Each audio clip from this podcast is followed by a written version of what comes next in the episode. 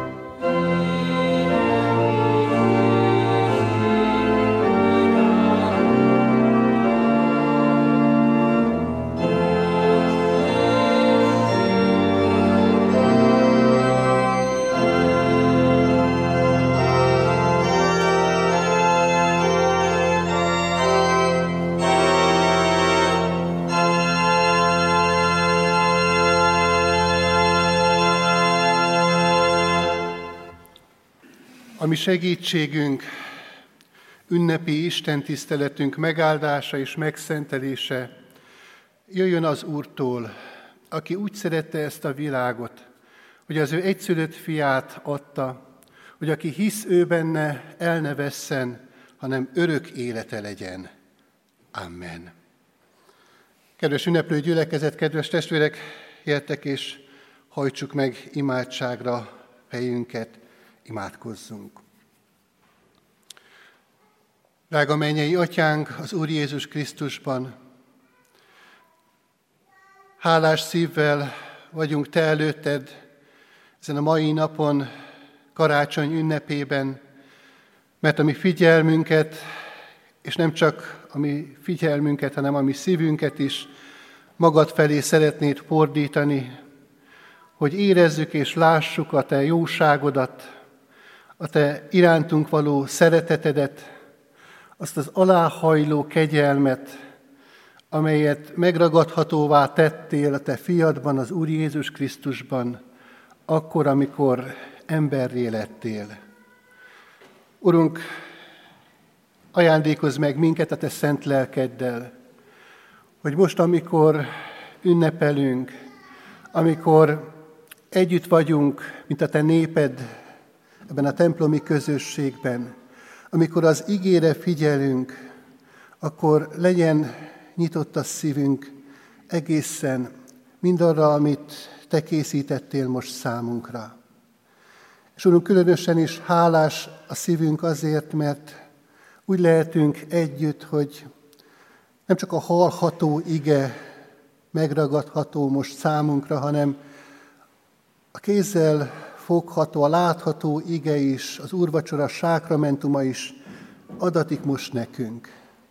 Jöjj, Szent Lélek, és tölts be minket, hogy az, ami a te kegyelmed, a te irgalmas atyai szereteted nyilvánvaló jeleként ebben a világban elérhető, megragadható ez a miénk lehessen. Hogy ne menjünk és ne induljunk úgy majd haza erről a helyről, mint ahogyan megérkeztünk, hanem gerjedjen fel a mi szívünk a Te imádásodra, a Te dicsőítésedre és a Te magasztalásodra.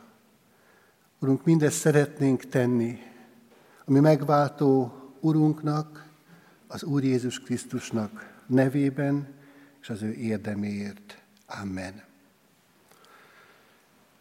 Kedves testvérek, foglaljuk el helyünket, és az ige hirdetésre készülve a 417-es számú énekeskönyvi énekünk első versét énekeljük. Dicsérjük ezzel mi megváltó Urunkat, az Úr Jézus Krisztust, jöjjetek Krisztus dicsérni, így kezdődik az első vers.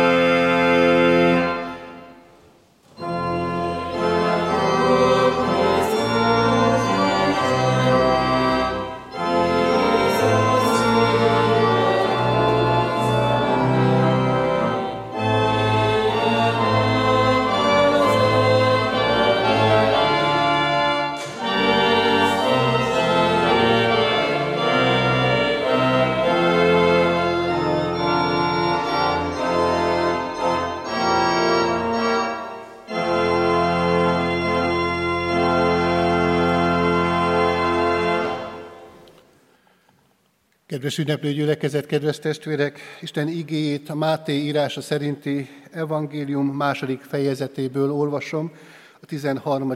verstől kezdődő ige szakaszt. Miután elmentek, íme az Úr angyala megjelent Józsefnek álmában, és így szólt. Kelj fel, vedd a gyermeket és anyját, menekülj Egyiptomba, és maradj ott, amíg nem szólok neked, mert Heródes halára fogja kerestetni a gyermeket.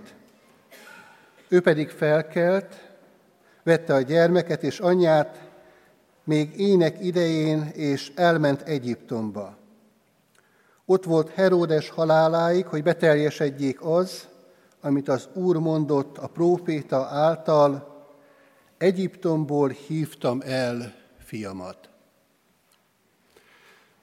Kedves testvérek, bizonyára mindannyian tapasztaltuk, tapasztaljuk azt, hogy a karácsony az egy nagyon mozgalmas ünnep, és itt most nem csak arra az ünnepet megelőző rohanásra gondolok, ami hozzá tartozik az előkészületekhez, hanem az iménti megállapításom alatt értem azt is, amiről a karácsonyi történet szól.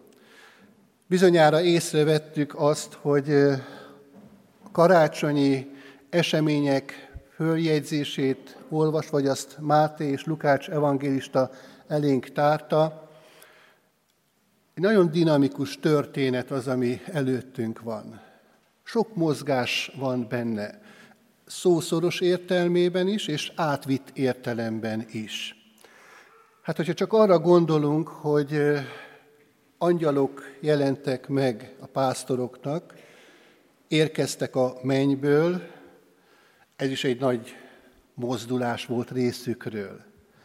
Aztán napkeletről világ távoli részéről érkeztek bölcsek, akik azért indultak el Izrael országa felé, és érkeztek meg először Jeruzsálembe, majd pedig Betlehembe, mert hódolni szerettek volna a zsidók királyának. Nagy utat tettek meg, hosszú időn keresztül utaztak. De gondolhatunk akár az égi testekre is, amely a napkeleti bölcseket vezette. Azok is összeálltak, mozdultak, és olyan fényességet alkottak, amely, amely vezette ezeket a távolról érkező embereket. És ott voltak a pásztorok is, akik az angyalok szavára elindultak, hogy meggyőződjenek arról, hogy amit hallottak, hogy megszületett a megváltó, az valóban igaz és megtörtént. Most hát ebbe a mozgalmas esemény sorba illik bele ez a mai történet részlet, amit az imént fölolvastam. Első hallásra talán úgy tűnhet mindannyiunk számára, hogy vége az események sorának, vége a karácsonyi történetnek, megtörtént a népszámlálás, megszületett a megváltó, hódoltak a napkeleti bölcsek, a pásztorok örvendeztek, az angyalok elcsendesedtek, vége az ünnepnek. De mégis, ahogy tovább olvasjuk Máté evangélista följegyzését, azt vehetjük észre, hogy nincs vége. Ugyanis újra egy útra kelésnek a történetébe csöppenünk bele. És azt vehetjük észre, hogyan a fölolvasott égeszakaszt hallgattuk, hogy elindul Mária és József a megszületett gyermekkel, de nem vissza Názáretbe, hanem sokkal messzebbre, Egyiptom földjére. Egy újabb útra kelés története veszít kezdetét. És ahogy ehhez a szakaszához érkeztem a karácsonyi események följegyzésének, azon gondolkodtam el, hogy milyen érdekes helyzet ez. Sokak számára a karácsony ott és akkor azt jelentette, hogy távol kell lenni az otthontól, távol a családtól. Hát gondoljunk csak a bölcsekre, akik a biztonságos és bizonyára kényelmes otthonukat hagyták hátuk mögött. Gondoljunk Máriára és Józsefre, ők sem voltak otthon a karácsonyi események során, és hát ne feledkezzünk el arról sem, hogy Jézus is eljött otthonról. A mennynek a dicsőségét, a tisztasságát, a ragyogását hagyta maga mögött. Azért, hogy emberré legyen, ide közénk megérkezzen.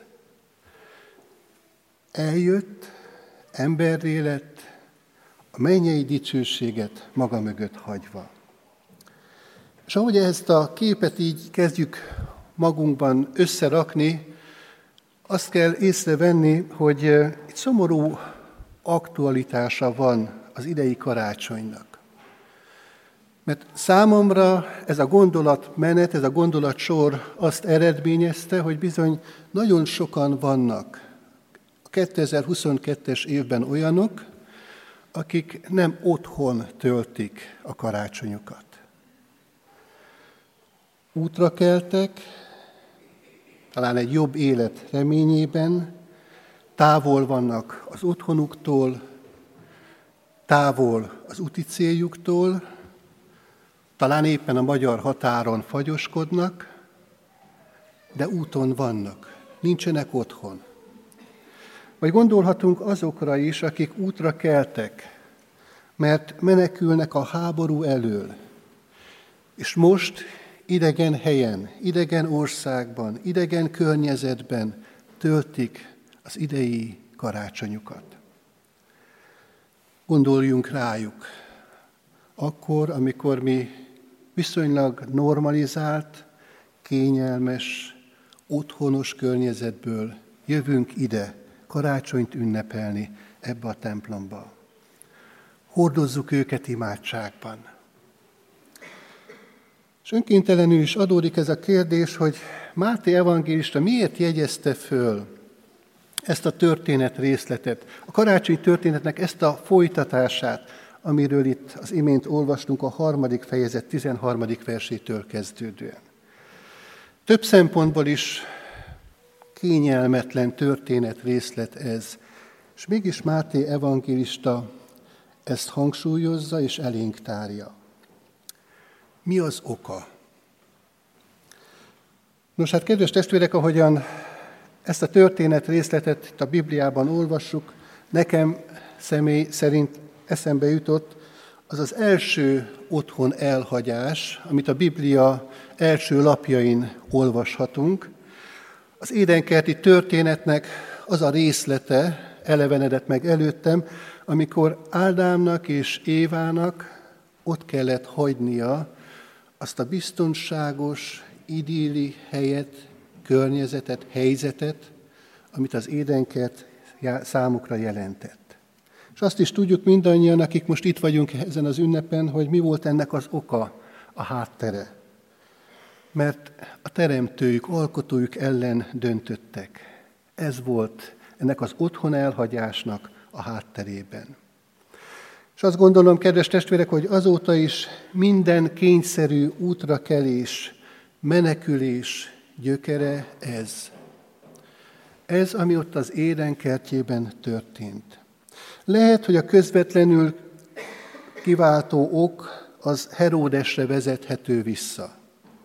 Az ő gyilkos indulatára, a földi hatalomhoz való görcsös ragaszkodására. Ezért indítja majd el a seregét, hogy minden két évesnél kisebb fiú gyermeket pusztítsanak el. Lehet, hogy a 21. századi népvándorlás mögött is számtalan emberi gonoszság és önző számítás van. Lehet, hogy a háború elől menekülő menekült áradat mögött is ott van az a pusztító erő, amely bennünk is olykor felfelüti a fejét. Talán nem olyan démonikus erővel, olyan féktelenül, mint ahogyan a háborúban ezt szemlélhetjük és láthatjuk, de ott van bennünk is. És ebben a helyzetben a karácsonyi történet van előttünk, amely pedig egészen másról szól. Mert az Isten emberré létele azt üzeni és azt hirdeti számunkra, hogy karácsonykor megjelent az élet. Az isteni élet betört a mi világunkba. Amikor megszületett a gyermek, Jézusnak nevezik, ahogyan az angyal szava erre útmutatást adott. És azért nevezik őt Jézusnak, mert ő szabadítja meg a néped bűneitől, ahogy az angyal megmagyarázta a névadásnak ezt a kötelezettségét. Mert aki a bűntől megszabadít, az életet hoz. Mert a Biblia tanítása szerint a bűn halál. Az élet a földre szállt. Isten emberré lett. A legnagyobb csoda megtörtént. Karácsonykor az Isten szeretetéből fakadó életet ünnepeljük. De ugyanakkor mai történet részletünk arra is rámutat egyértelműen és világosan, hogy karácsonykor megjelent a halál is. Nem olyan értelemben, mint hogyha korábban nem lett volna. Hiszen volt az emberekben akkor is reménytelenség, akkor is sokan tengették az életüket nehezen, akkor is voltak súlyos betegségek, mert hordozniuk kellett, volt halál, gyász, amely vigasztalásra várt. De karácsony mégis azt jelenti, hogy az élet megjelent a halállal szemben ebben a világban. De a halál is mozgásba lendül akkor, amikor az élet megjelenik ebben a teremtett világban. És ezért olvashatjuk Máté evangéliumában az iménti részletet. Összecsapnak a halál és az élet erői. És ahogyan ezt a történetet tovább olvassuk, azt kell, hogy lássuk, hogy itt megmenekül Jézus, ez elől a pusztító erő elől, de mindez azért történik, hogy majd felnövekedve, felnőttként, felnőtt férfiként, ő önmagát teljesen odaadja értünk, azért, hogy nekünk életünk legyen. Kedves testvérek, ez a történet erre a nagy értünk folyó küzdelemre hívja föl a figyelmünket. Talán ott van sokunknak a szívében az a kérdés, hogy Isten miért nem akadályozta meg mindazokat az eseményeket, amelyek majd Jézus megmenekülését követően Betlehemben történnek. Egyrészt azért, mert Isten rá szeretne mutatni arra, hogy a mi világunk olyan világ, amelyben Jézus megérkezett, és amelyben őt magát is pusztító erők vették körül, de szeretné azt is Isten megmutatni számunkra a profécia által éppen, hogy Istennek van terve arra nézve, hogy ez a világ nem maradjon ilyen állapotban, mint amilyenben van. Van reménység, hiszen Isten az ő fiát elküldte, és nem csak azért, hogy majd meghalljon értünk 33 éves korában, hanem hogy feltámadjon. És az életnek a dicsőséges, és, dicsőséges ura és királya legyen ebben a világban, és a mi életünkben is. És a karácsony ennek az ünnepe lehet számunkra. Hogyha megszületett bennünk a Krisztus, hogyha él bennünk a Krisztus, akkor bizonyára egyrészt átéljük azt, hogy ellenerők is elkezdenek dolgozni bennünk, ellenünk. De nagyobb az, aki bennünk él, mint amely körülvesz minket. A Krisztusnak az élete betöltheti a mi életünket. És ez a mi nagy-nagy reménységünk, hogy Isten ebben a világban adott kegyelmet, adott üdvözítőt az ő fiában, az Úr Jézus Krisztusban. Karácsonykor eljött az élet.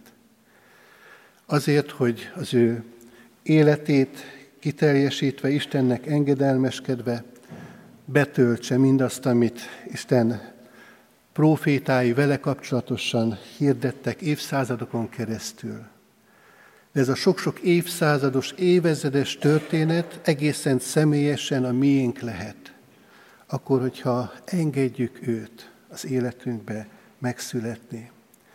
És ilyen módon szeretné Isten gyógyítani. Nem csak a mi életünket, hanem általunk másokét is. Azokét, akik körülöttünk élnek, akik velünk valamilyen módon kapcsolatba kerülnek.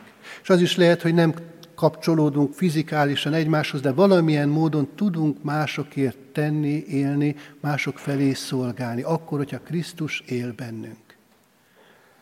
Mert nem a haláli, a pusztulási az utolsó szó, hanem Isten kegyelméből, az ő üdvözítő terve szerint az élet dicsőséges uráé, az Úr Jézus Krisztusé.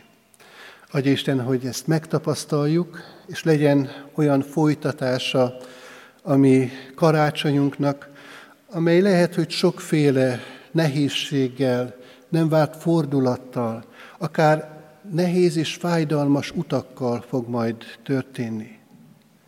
De van ebben a világban üdvözítő, élő Krisztus, aki szeretne a mi életünknek is központjává, mi szívünknek a közepében élni. Engedjük őt, hogy ez így legyen, hogy ő éljen bennünk. A mai úrvacsorás Isten tiszteltünk is ebben segíthet mindannyiunkat. Amikor az úrasztalához idejövünk, akkor vele találkozhatunk egészen személyesen.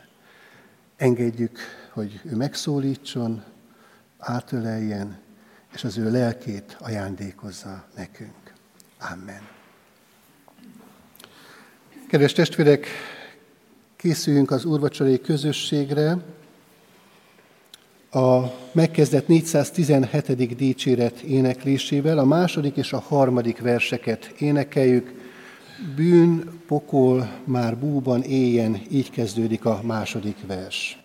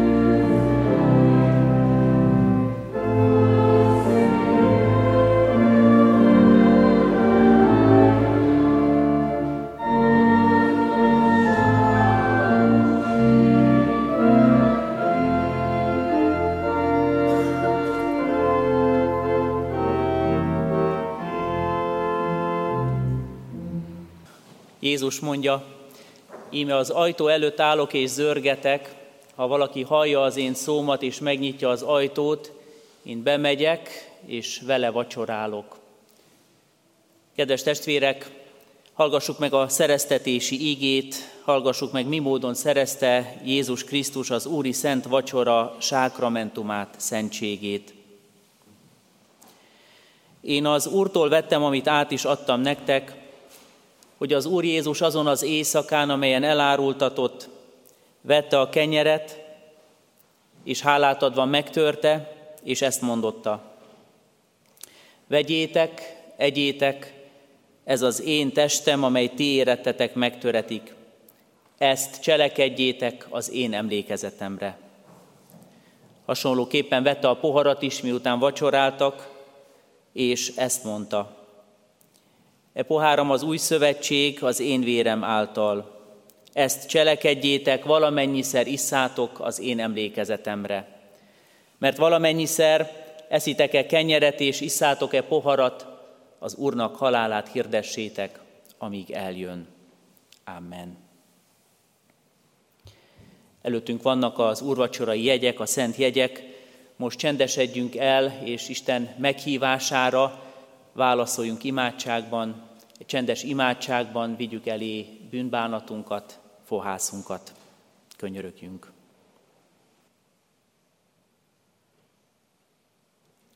Köszönjük, Urunk, hogy meghallgatod a szívek mélyén csendben elmondott imádságainkat is. Amen. Bűnbánat tételünk után most valljuk meg hitünket is, mondjuk el együtt egyetemes egyházunk hitvallását, az apostoli hitvallást. Hiszek egy Istenben, mindenható atyában, mennek és földnek teremtőjében, és Jézus Krisztusban, az ő egyszülött fiában, ami Urunkban, aki fogantatott Szent Lélektől, született Szűz Máriától, szenvedett Poncius Pilátus alatt, megfeszítették, meghalt és eltemették. Alászállt a poklokra, harmadnapon feltámadt a halottak közül, fölment a mennybe, ott ül a mindenható Atya Isten jobbján, onnan jön el ítélni élőket és holtakat. Hiszek szent lélekben, hiszem az egyetemes Anyaszent Egyházat, a szentek közösségét, a bűnök bocsánatát, a test feltámadását és az örök életet. Amen bűnbánat tételünk és hitvallásunk után egyházunk rendje és gyakorlata szerint még néhány kérdésre válaszoljunk, hallható szóval valljuk meg így is hitünket. Azt kérdem először, hiszitek-e, hogy ebben a sákramentumban adja nekünk az Úr Jézus Krisztus a Szentélek által bűneink bocsánatára és lelkünk örök üdvösségére az ő szent testét és vérét. Ha igen, feleljük, hiszem és vallom. Hiszem és vallom. Hiszitek-e, hogy e szent vacsora Krisztussal és az ő szent egyházával való közösségnek és a megszentelt életnek jele és pecsétje? Ha igen, feleljük, hiszem és vallom. Hiszem és vallom. Ígéritek-e, hogy hálából odaszánjátok magatokat élő, szent és Istennek kedves áldozatul? Ha igen, feleljük, ígérem és fogadom. Ígérem és fogadom. Én is mind ezeket veletek együtt hiszem és vallom, ígérem és fogadom. Most azért, mint az én Uramnak elhívott szolgája, hirdetem nektek bűneitek bocsánatát, melyet megáld a mi Urunk ingyen kegyelemből Jézus Krisztusért. Amen. Kedves testvérek, foglaljuk el a helyünket, és szeretettel hívunk mindenkit az urasztalához. Az urvacsora vétele alatt majd a 410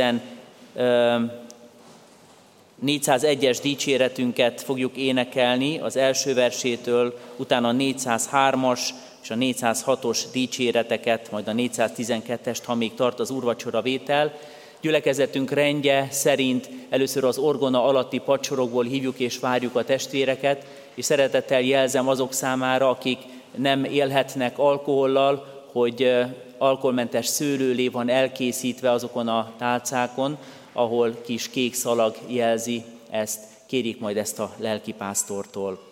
Kezdjük dicsérettel az úrvacsoravételt. A 401-es énekünket énekeljük. A 401-es dicséretünk így kezdődik, Krisztus Urunknak áldott születésén.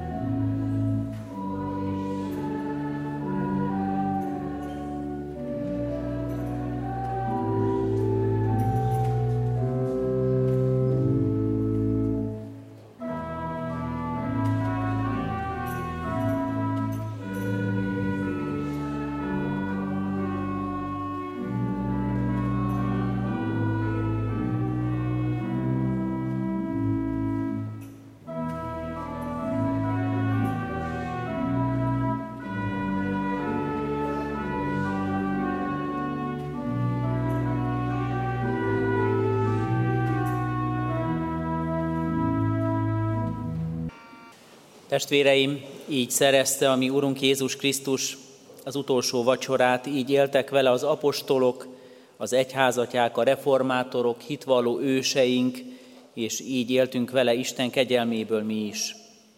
Minek előtte elbocsátanánk titeket, kérünk és intünk, hogy Isten kegyelmét magatokban hiába valóvá ne tegyétek, ne uralkodjék bennetek a bűn többé, sőt viseljétek magatokat a ti elhivatásotokhoz méltóan.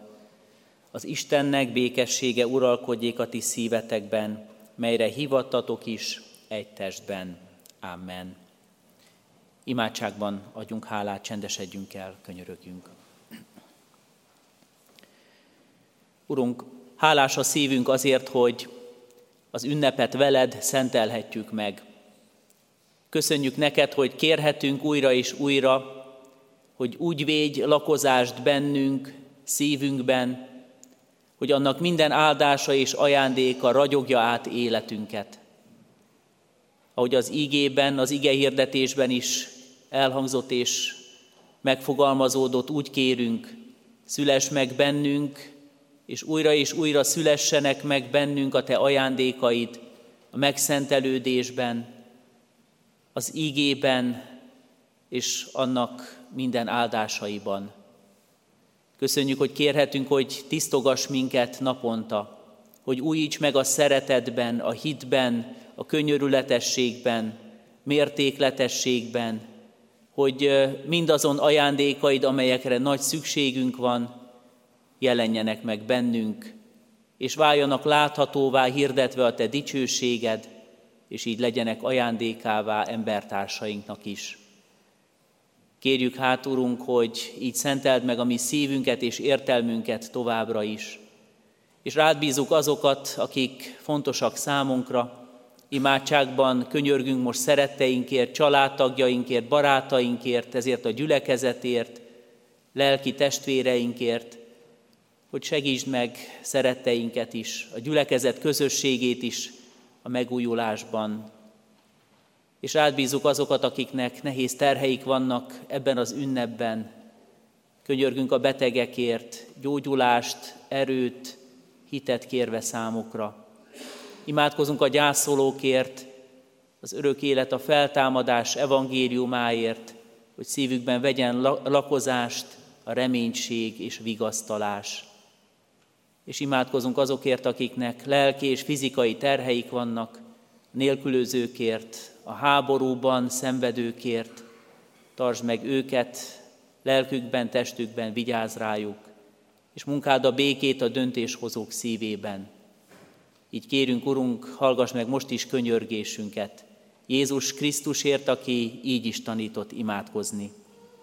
Mi, Atyánk, aki a mennyekben vagy, szenteltessék meg a Te neved, jöjjön el a Te országod, legyen meg a Te akaratod, amint a mennyben, úgy a földön is. Mindennapi kenyerünket add meg nekünk ma, és bocsásd meg védkeinket, miképpen mi is megbocsátunk az ellenünk védkezőknek, és ne vigy minket kísértésbe, de szabadíts meg a gonosztól, mert Téd az ország, a hatalom és a dicsőség mind örökké. Amen. Kérjük és fogadjuk Isten áldását. A nép, amely sötétségben jár, lát nagy világosságot. Amen. Foglaljuk el a helyünket, kedves testvérek, és a hirdetéseknél szeretettel jelzem, hogy a kiáratoknál megtalálható hirdetőlapokat magunkkal vihetjük, azon részletesen föl vannak tüntetve egyházközségünk eseményei, lehetőségei, hírei, az istentiszteletek, de az interneten keresztül is tudunk tájékozódni, keressük fel a honlapot, és nézzük meg ott az aktuális hirdetéseket. Most csak azt szeretném kiemelni, hogy ha Isten megtartja életünket, akkor az óév záró Isten tiszteleteink december 31-én, szombaton 9 órakor és 17 órakor lesznek megtartva itt a templomban, illetve katonatelepen, a katonatelepi templomban 3-4-10-kor délelőtt lesz Isten tisztelet és január 1-én, az új év első napján is Isten tisztelettel kezdhetjük az évet, Istenre figyelve, urvacsorás istentiszteleteket tartunk itt a templomban 9-11 és este 6 órakor, és a katonatelepi templomban 3-4-10-kor. Az Úr legyen továbbra is gyülekezetünk megtartó és őriző pásztora. Amen. Záró dicséretünk a már énekelt 417-es dicséretünk, a 417-es énekünk negyedik, ötödik és hatodik verseit énekeljük. 417-es dicséretünk negyedik verse így kezdődik, irgalommal szánva minket, nagy jósága ránk tekintett. thank you